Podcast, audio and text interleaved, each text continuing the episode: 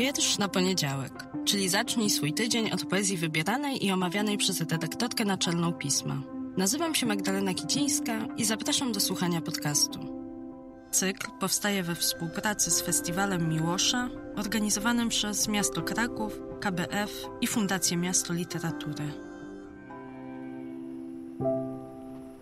Dobry wieczór, dzień dobry, cześć. Znowu chyba dzisiaj powinnam po szwedzku, ale dzień jest szczególny, dzień, który nie wiem, czy to kontrowersyjna teza, czy nie kontrowersyjna, ale jest jednym z moich ulubionych w roku to znaczy dzień zaduszny. To jest taki dzień, w którym ja zazwyczaj właśnie do 2 albo 3 listopada odwiedzam cmentarze różne, stare, żydowski, karaimski, takie, które są rzadziej odwiedzane, różne takie miejsca, w których czasami nie ma żadnej świeczki, a czasami są jakieś butelki i śmieci, które należy pozbierać. To jest taki dzień refleksji, dzień, który dla mnie jest kwintesencją melancholii, nostalgii, ale też pracy pamięci i jakiejś tęsknoty za tymi, których nie ma i za tymi też, którzy chociaż nie są już obecni, to zostawili nam coś, po co możemy sięgnąć właśnie w taki dzień jak dzisiaj.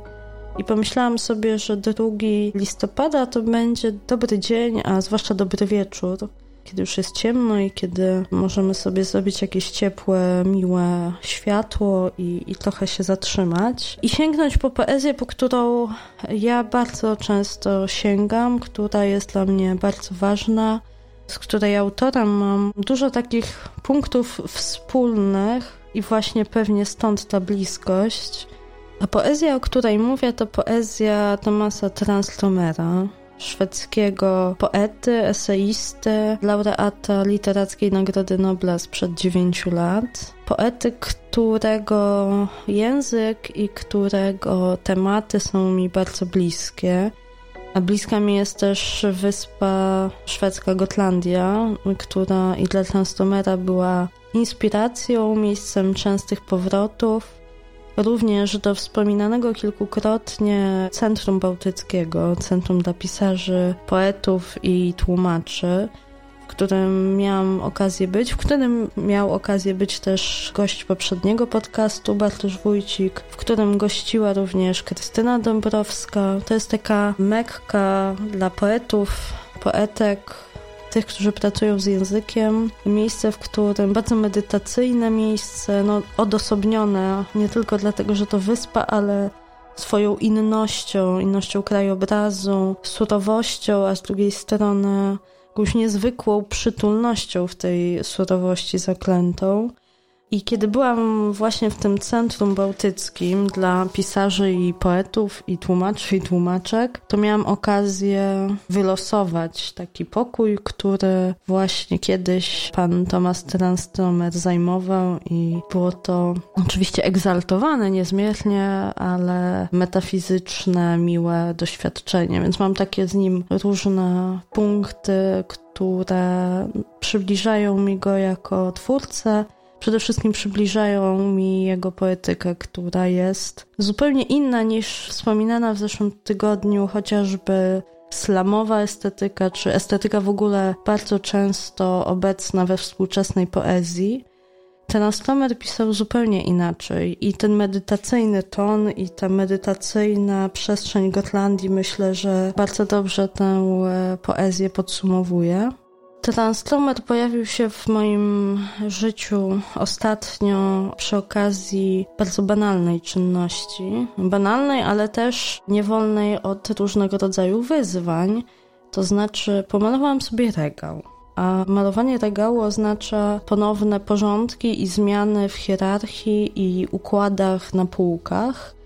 W związku z tym, zamiast włożyć książki w tej kolejności, w której, w tych miejscach, w których były przed malowaniem, stanęłam przed wieloma bardzo trudnymi decyzjami, decyzjami na miarę wyboru Zofii co najmniej, że coś tutaj pozmieniam, niektóre tytuły z bólem serca, bo nie umiem oddawać książek, jednak czas już wypuścić z domu, a inne umieścić na wyższych półkach, na tych półkach, gdzie najczęściej kieruje wzrok i właśnie poezja Transtomera To jest ta książka, którą coraz bliżej łóżka sobie z każdą kolejną przeprowadzką i przemeblowaniem przesuwam. I też zauważyłam, kiedy sięgnęłam kilka dni temu po tę książkę, że najchętniej wracam jak Zbigniew Wodecki trochę, tam gdzie już byłam. I te strony, które zaginałam w wyborze wydanym przez wydawnictwo A5, wiersze i proza 1954-2004, przepięknie wydane i naprawdę polecam każdemu, kto Translomera ceni, a tym bardziej polecam każdemu, kto jeszcze jego poezji nie ma, posięgnięcie po to właśnie kompendium. Świetnie wydane też edytorsko i są tam moje ukochane przypisy, są tam też jego teksty z pogranicza eseju autobiograficznego i pamiętnika. Jest tam też świetne wprowadzenie tłumaczy, bo do tego tomu Transtomera tłumaczyli Magdalena Wasilewska-Chmura i Leonard Neuger.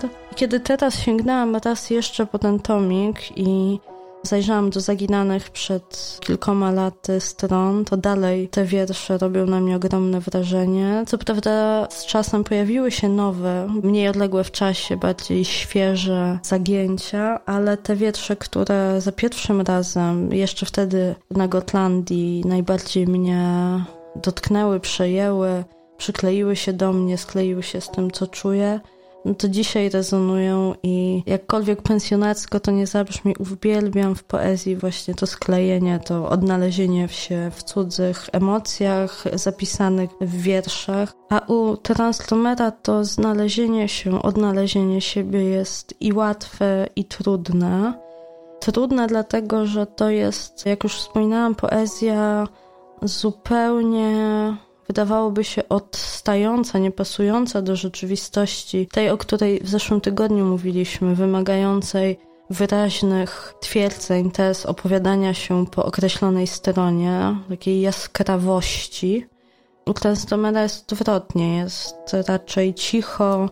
Ten krajobraz, który możemy sobie wyobrazić czytając jego wiersze, byłby pozbawiony hałasu, nadmiaru, przepychu. W związku z tym odnajdzie się w niej ten, który właśnie czuje się w tym przepychu gdzieś zagubiony i ten, który potrzebuje miejsca, nie narzuca ani formą, bo ta forma u Tenstomera jest bardzo surowa, bardzo ascetyczna. On też w ostatnich latach swojej twórczości zbliżał się i eksperymentował z haiku tak właśnie oszczędnie starał się operować językiem ale nie tylko forma, język i obrazy i tematy są pozbawione tych wszystkich dodatków, takich chub znaczeniowych, które obrastają współczesną poezję. Tam jest prosto, tam jest medytacyjnie, chyba nadużywam dzisiaj tego zwrotu, ale tak, z medytacją kojarzy mi się czytanie Translomera i myślę też, że z tego powodu te 9 lat temu Szwedzka Akademia właśnie jego poezję wybrała, bo była to poezja w tym sensie odstająca od współczesności, a dzięki temu uniwersalna, ponadczasowa, taka, która opowiada emocje, opowiada stany, człowieka czytającego ją w 2020 po popranym przedziwnym roku i w roku 60, 92 i w momentach bardzo trudnych osobiście i w momentach bardzo trudnych globalnie, o czym przekonał mnie akapit z tekstu w New Yorkerze, tekstu też Kole, który napisał przepiękną, bardzo Państwu polecam, sylwetkę Translomera dla New Yorkera tuż po ogłoszeniu werdyktu Szwedzkiej Akademii w 2011 roku. I kiedy zaczęłam czytać ten tekst, to uśmiechnęłam się pod nosem, bo on dokładnie opisywał mój stan w momencie, w którym sięgnęłam tę książkę ze stosiku i zastanawiałam się stojąc przed pomalowanym regałem, jak blisko łóżka, jak blisko nocnej lampki ten tomik umieścić. A Cole pisał tak.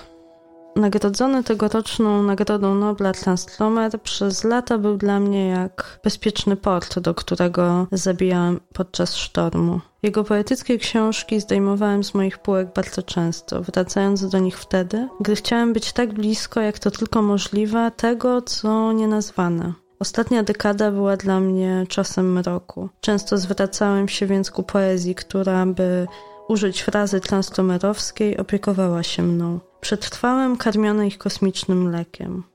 A ja od siebie dodałabym do tych słów jeszcze jedną frazę z Translomera, mi szczególnie bliską, ważną, jest dla mnie takim tego wskazem i chyba też portem. Twórz, rysuj, aby wydostać się ze swego losu. I z tą myślą chyba Was zostawię tego 2 listopada dziwnego roku 2020. A może nie zostawię, bo może Kuba się zgodzi i przeczyta jeden z wierszy Transtomera. Tutaj macha głową, że przeczyta. Zostawię Was więc z Kubą, a przede wszystkim z Tomasem Transtromerem, jego opowieścią o listopadzie. Trzymajcie się ciepło i zdrowo. Thomas Transtromer Listopad z połyskiem wytwornego futra. To właśnie szarość nieba sprawia, że ziemia zaczyna lśnić. Łąki nieśmiało zielone, czarny chleb uprawnych pól. Jest czerwona ściana stodoły i są ziemie pod wodą, jak połyskujące pola ryżowe jakiejś Azji. Tam mewy zatrzymują się i wspominają. Zamglone pustkowia w głębi lasu dźwięczą, trącając się łagodnie. Natchnienie, które żyje skrycie i w las uchodzi, jak Nils Dake.